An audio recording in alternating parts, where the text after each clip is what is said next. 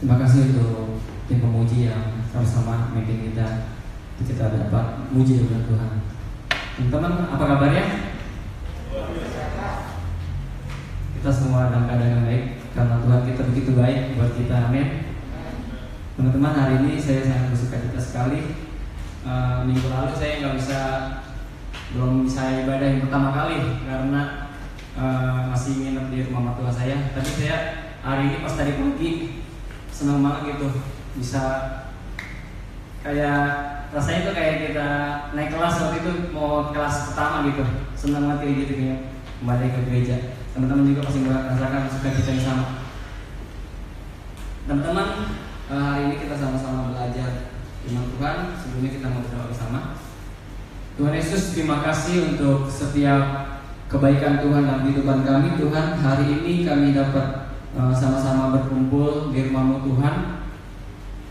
Pimpin kami Tuhan daripada awal hingga pada akhirnya Tuhan agar setiap kami dapat belajar bersama firman Tuhan pada hari ini yang mengatakan uh, kalau kehidupan kami adalah Tuhan menjadi Allahku untuk di muka bumi Tuhan. Karena kami tahu Tuhan merindukan setiap jiwa-jiwa untuk dapat memuji dan menyembahmu Tuhan supaya setiap jiwa-jiwa diselamatkan kami mau Tuhan kami juga berada di dalam rencana Tuhan dalam setiap apa pun yang Tuhan mau kerjakan di rumah kami jadikan kami alatmu Tuhan. Ajar kami Tuhan kami membuka hati kami untuk kami dapat belajar firman Tuhan.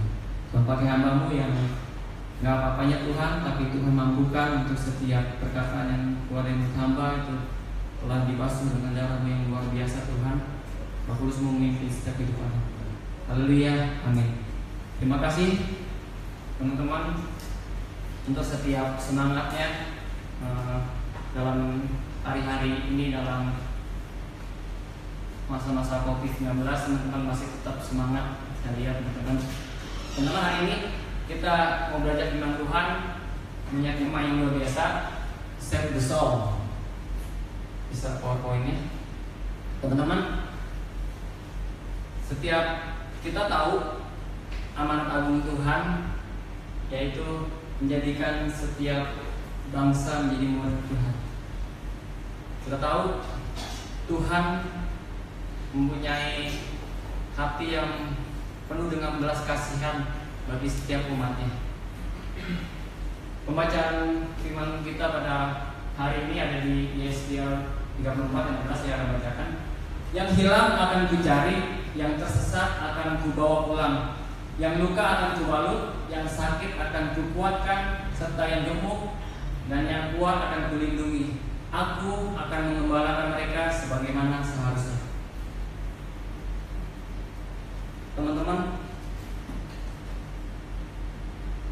saya mau kasih tahu bahwa isi hatinya Tuhan adalah mengasihi jiwa-jiwa. Nah teman-teman, uh, Tuhan mempunyai mega proyek yang besar banget di dalam setiap kehidupan manusia sampai saat ini. Yaitu uh, mega proyek itu adalah Tuhan mau setiap umat manusia dapat diselamatkan. Kira-kira pertanyaannya apakah kita mau jadi sebagian kecil untuk mega proyek itu? Teman-teman mau? Boleh angkat tangannya yang mau? Sorry, karena saya lupa dikasih ini.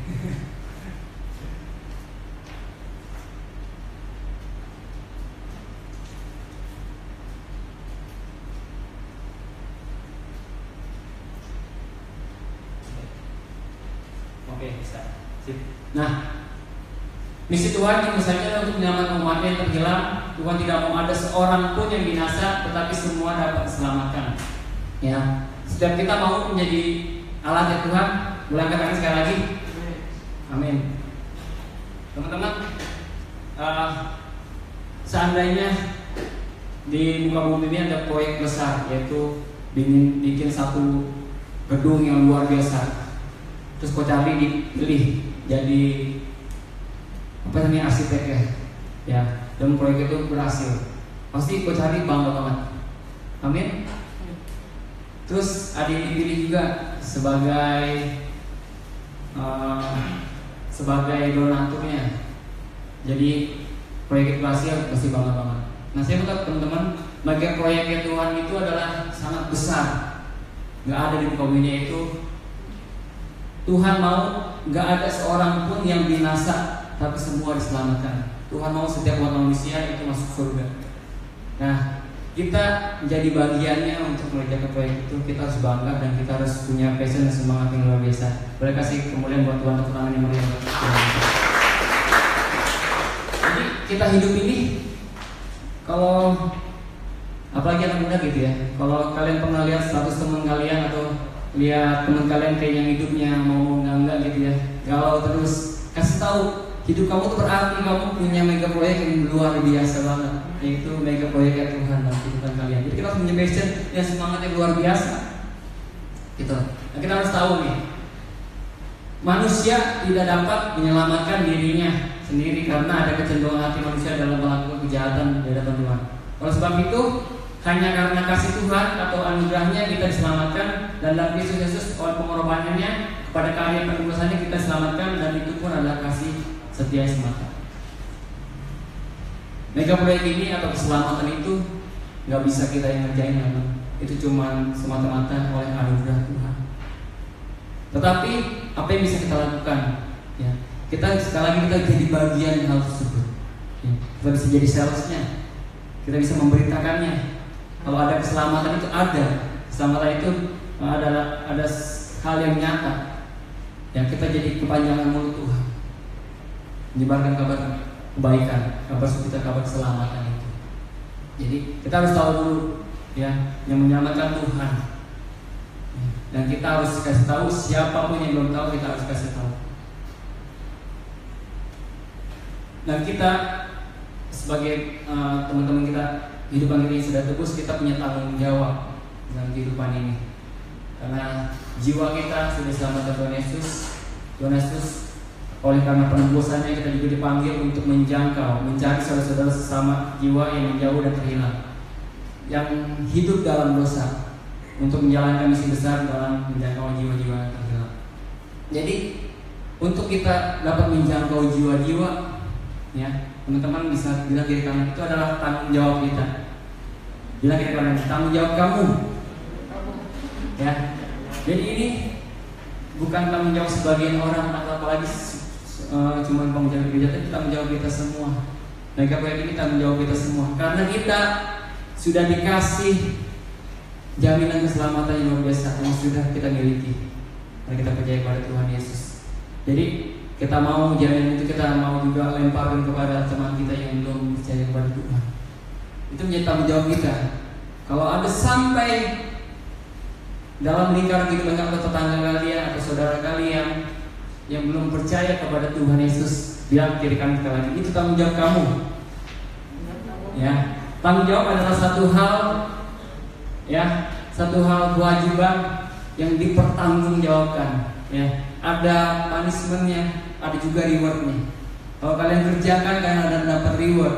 Kalau kalian melalaikan dapat punishmentnya. Karena sebuah tanggung jawab. Ya.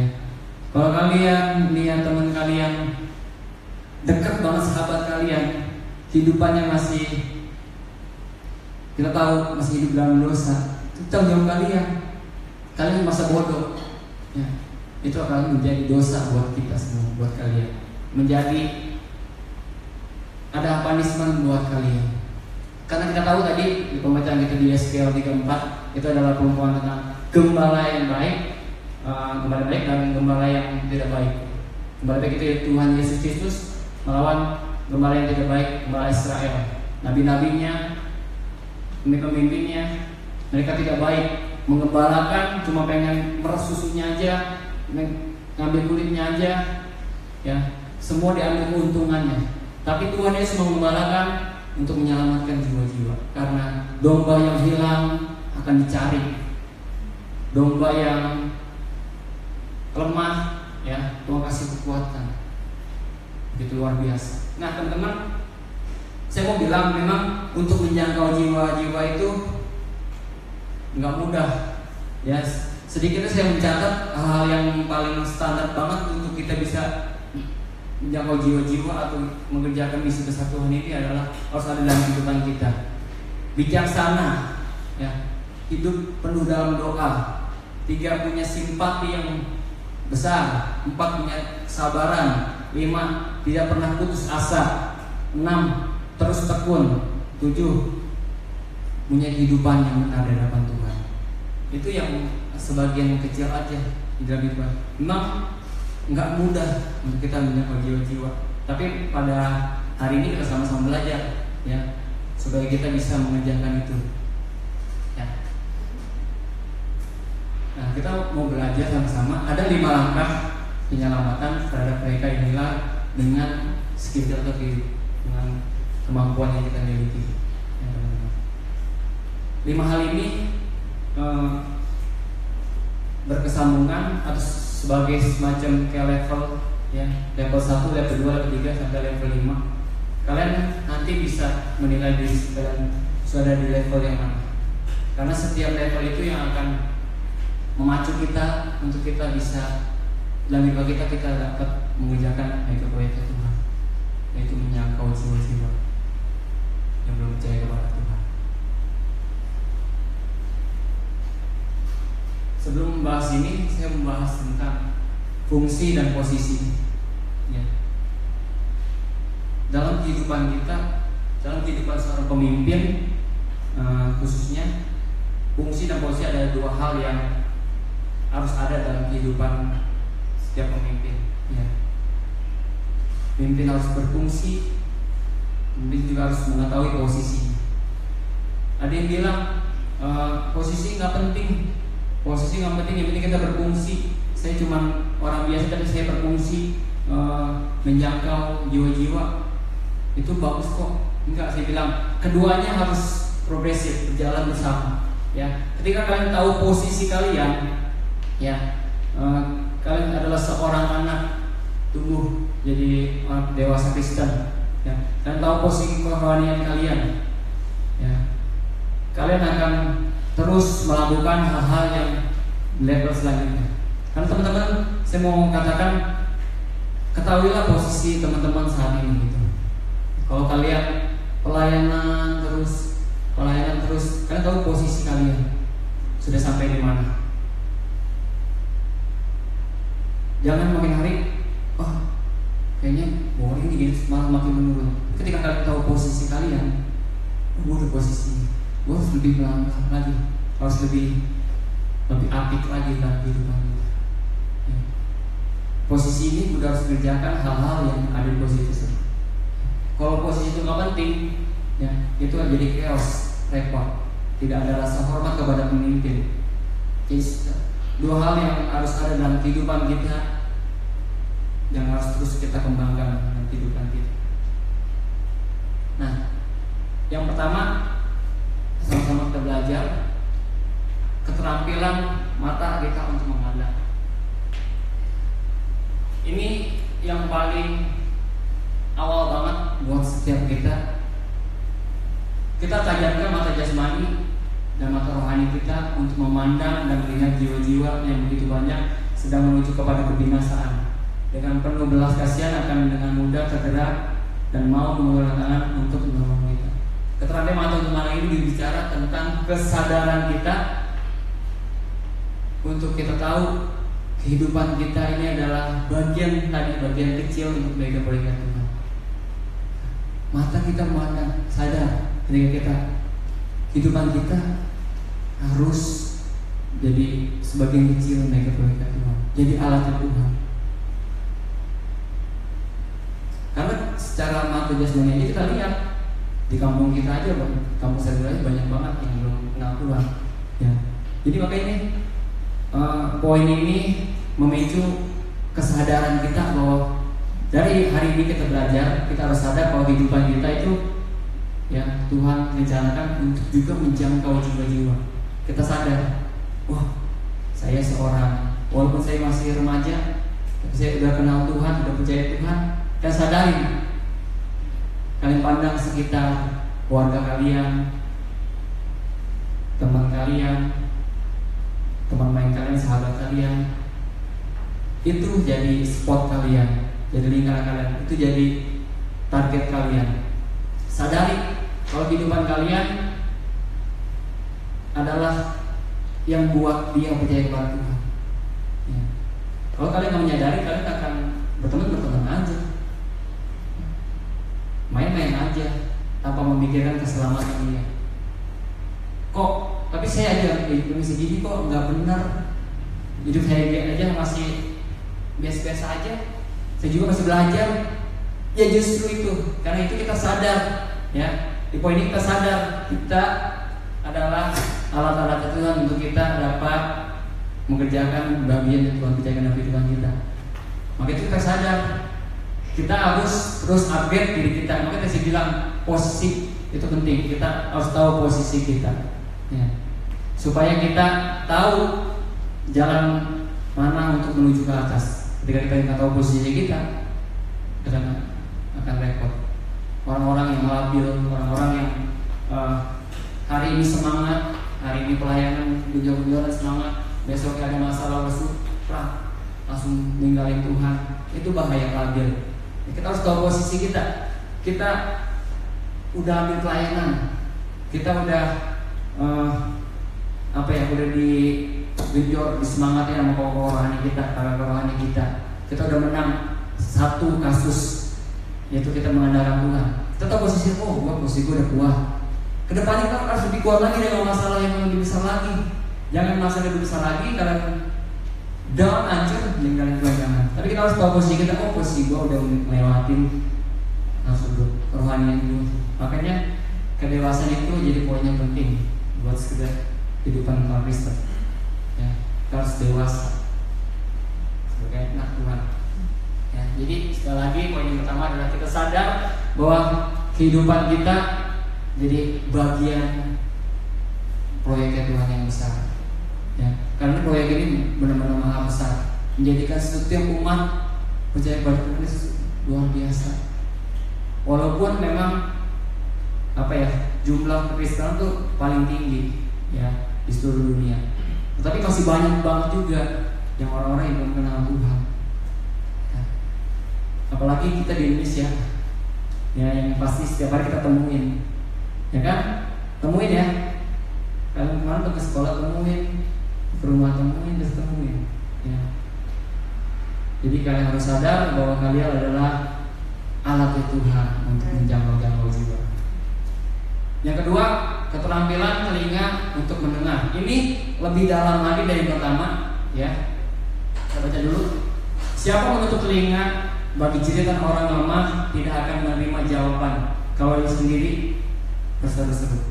Kita harus tetap membuka telinga kita untuk mendengar jeritan jiwa-jiwa yang memohon pertolongan Tuhan. Ketika kita membuka telinga kita dan mau mendengarkan, maka Tuhan akan membuat telinga kita peka dan mereka mau berbelas kasihan kita beri kemampuan dan keberanian untuk melakukan tugas ini yang lebih dalam lagi dari yang pertama berbicara tentang berbicara tentang melihat segala sesuatu yang tidak yang belum disingkapkan ya.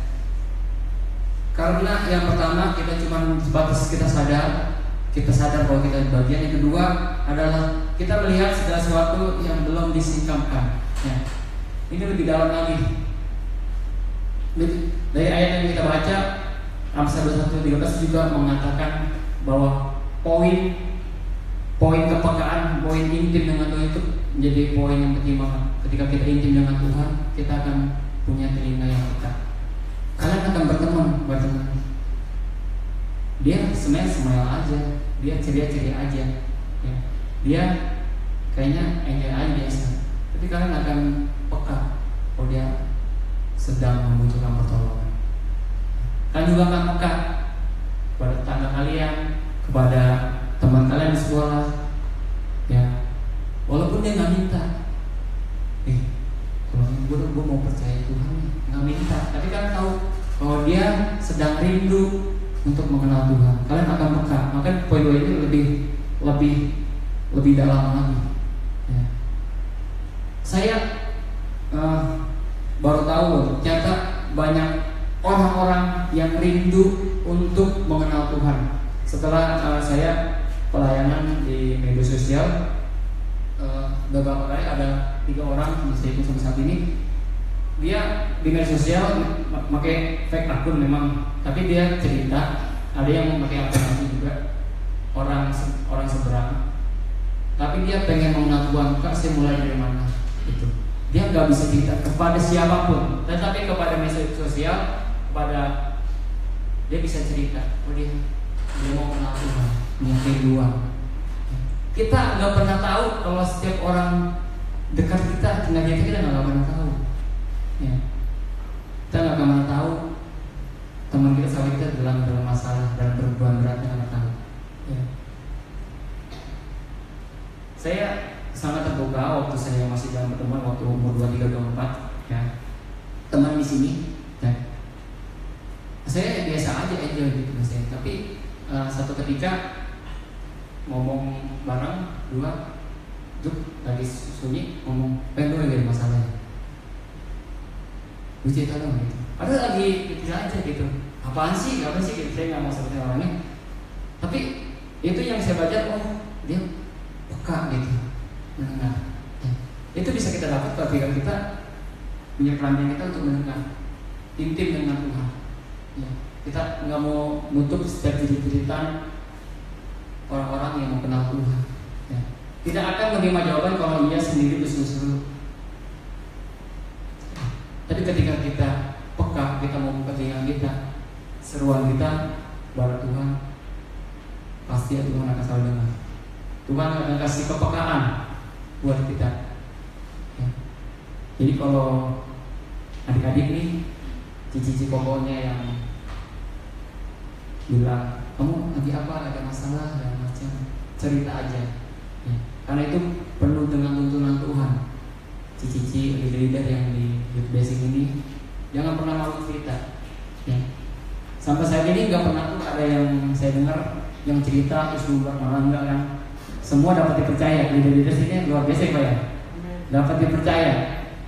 Ya karena pertumbuhan kita karena kita kita butuh mentor kita butuh seorang yang mau uh, sama-sama apa ya menggerakkan hati kalian mendorong kalian untuk mentor. Saya pun pas sampai di titik itu pun saya banyak pakai mentoring ya dari remaja semua Jeffrey cari semua mentoring Bernard gitu. kita butuh mentor punya hati yang mau buka yang mau menerima jangan so pinter jangan jangan apa ya jangan oh gue bisa gue kuat kok jangan tapi kita ketika punya masalah cerita aja. Ya, yang kedua ini kita intim dengan Tuhan, kita punya keterampilan tinggal benar-benar. Ya. Kita harus latih, kita harus latih hal tersebut. Yang pertama kita sadar, yang kedua kita lihat lebih dalam lagi. Ini teman-teman kalau yang dalam polis itu lucu banget teman-teman. Maksudnya, saya maksudnya pernah ada di titik yang polis habis KKR gitu udah habis habis uh, ujian luar biasa tentang jiwa-jiwa gitu. Saya langsung kayaknya langsung Tuhan saya gitu banyak jiwa-jiwa yang belum kenal Tuhan. Terus saya pulang ya ya ampun Tuhan belum kenal Tuhan langsung kayak mau gitu kan. Terus gue lihat keluarga gue ada juga belum kenal Tuhan lihat orang jalan kenal Tuhan gue pengen nangis terus kayaknya kayaknya lucu banget gitu. Tapi itu memang uh, hati itu harus ada dalam kehidupan gitu gitu. Kayaknya lucu. Setiap kita memandang orang yang kita punya belas kasihan seperti yang ditulis melakukan punya belas kasihan. Jadi ketika kalian pelayan dan kalau punya rasa belas kasihan kalian akan yang karena apa? Nggak akan pernah ribut ketika kalian dalam pelayanan ada gesekan dikit gitu ya. Kalian pandangnya gini. Walaupun kelihatannya dia salah nih dia ego banget gitu ya. Dia mau yang benar gitu. Tapi kalian kan oh iya. Oh ya udahlah gua ngalah punya belas kasihan. Karena ini juga juga kan kalau gua lawan kan berarti dia punya kita punya belas kasihan yang tinggi. Ya kita harus tahu posisi kita yang kedua. Peka kita harus mendengar.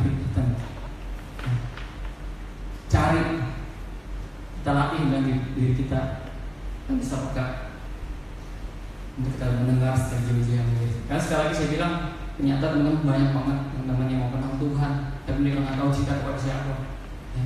Ketika kita peka, kita meminimalisir orang-orang yang mau kenal Tuhan yang tidak dilayani, tapi kita layani. Teman-teman sekali lagi saya bilang, siapa pun kalian, kalian apa ya? Kalian adalah pelayan Tuhan. Gitu.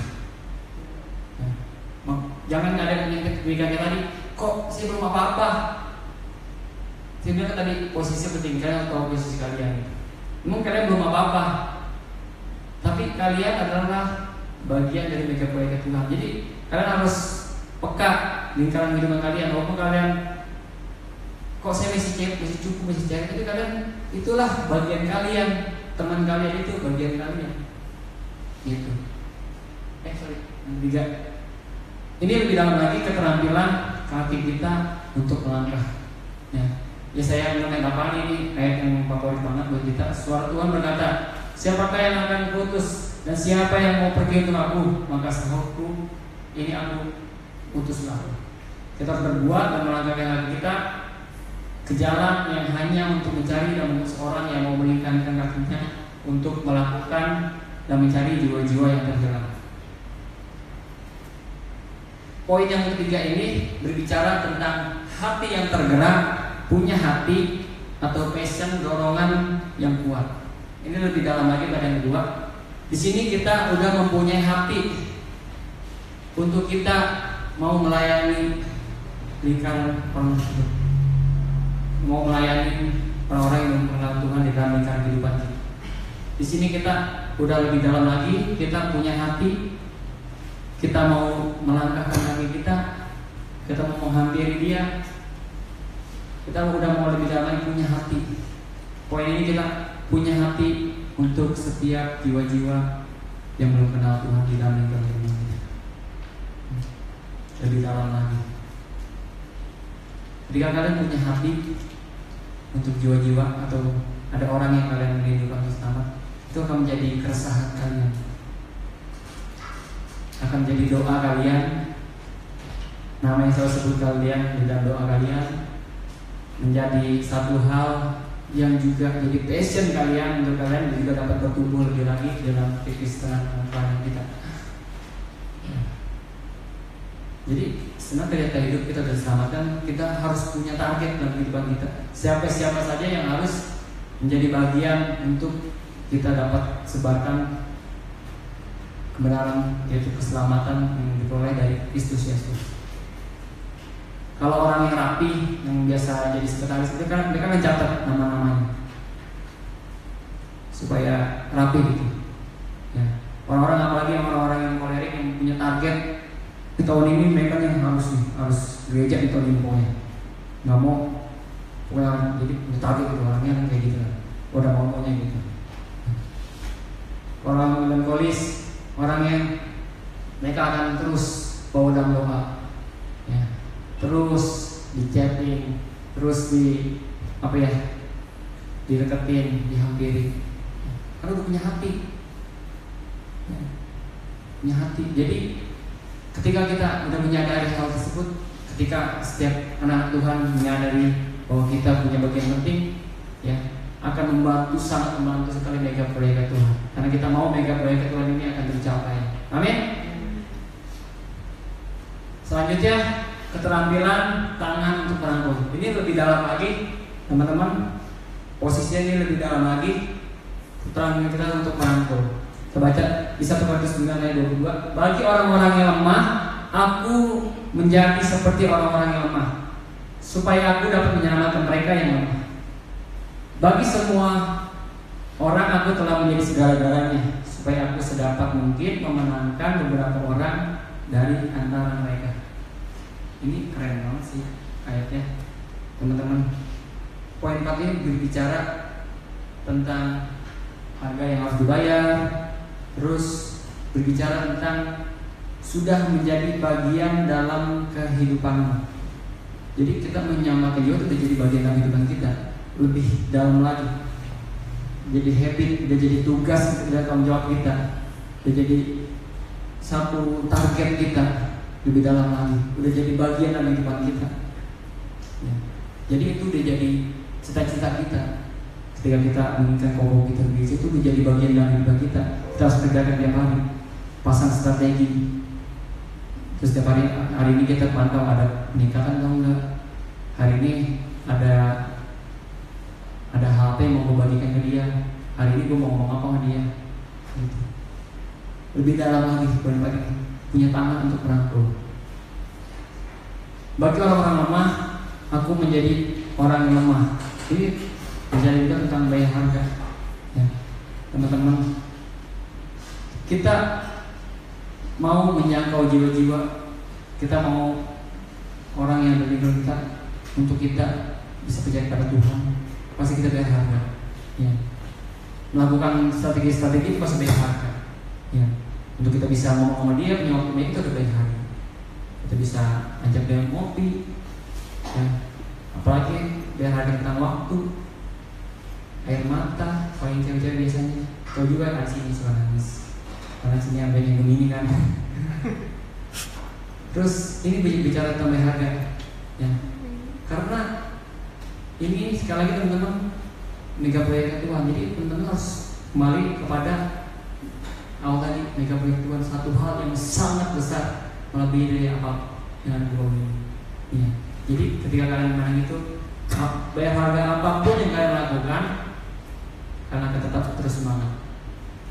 Kalau sampai saat ini kalian lihat koko-koko kalian atau guru-guru kalian yang terus setia melayani, ngasih waktunya, ngasih tenaganya, materi semuanya, mereka sedang harga.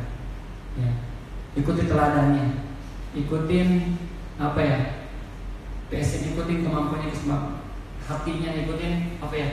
Kemauannya, teladannya ikutin. Satu hal yang baik.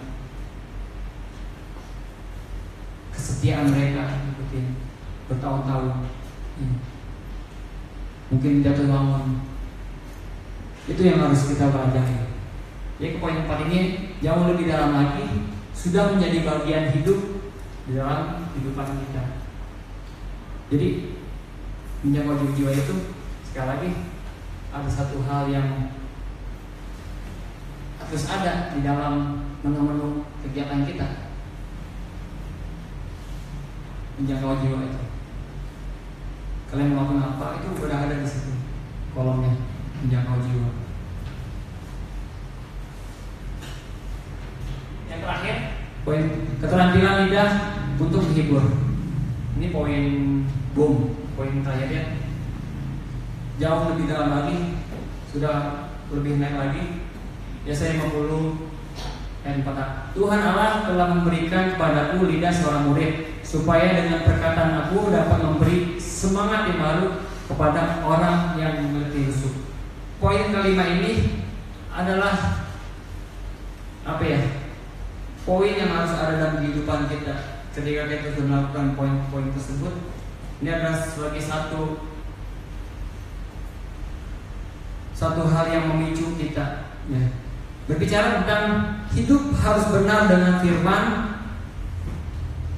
Belajar bertumbuh menjadi berkat adalah hal yang eksekusi Jadi ini hal yang terlatih Dan kita mengetahui posisi kita Jadi poin lima ini sangat penting. Kita udah deketin Ketika kita udah sadar Kita udah Poin kedua kita mau mendengar Ketika kita mau punya hati tempat kita sudah menjadi bagian ibadah ini kita eksekusi imannya. Eksekusi ini nggak sembarangan. Kalau kalian nggak punya kehidupan yang memadai mental. Ya. karena saya teman berkhidmat sama Tuhan itu ketika kita punya rindu untuk menyapa jiwa kita akan berkhidmat kepada Tuhan. Kita akan kita nggak akan seperti orang konyol maksudnya. Kita akan beri mata Tuhan. Kita akan tahu apa yang kita ucapkan apa yang harus kita lakukan. Karena setiap orang yang kita firmankan setiap orang yang kita mau bawa untuk mengenal Tuhan akan melihat kehidupan kita akan melihat teladan kita. Jadi poin ini adalah poin yang sangat penting untuk kehidupan kalian sendiri. Kalian jaga diri kalian sendiri. Karena kalau mau menangkan pokok kalian ya kalian udah harus tahu posisi kalian kalian udah harus terus bertumbuh belajar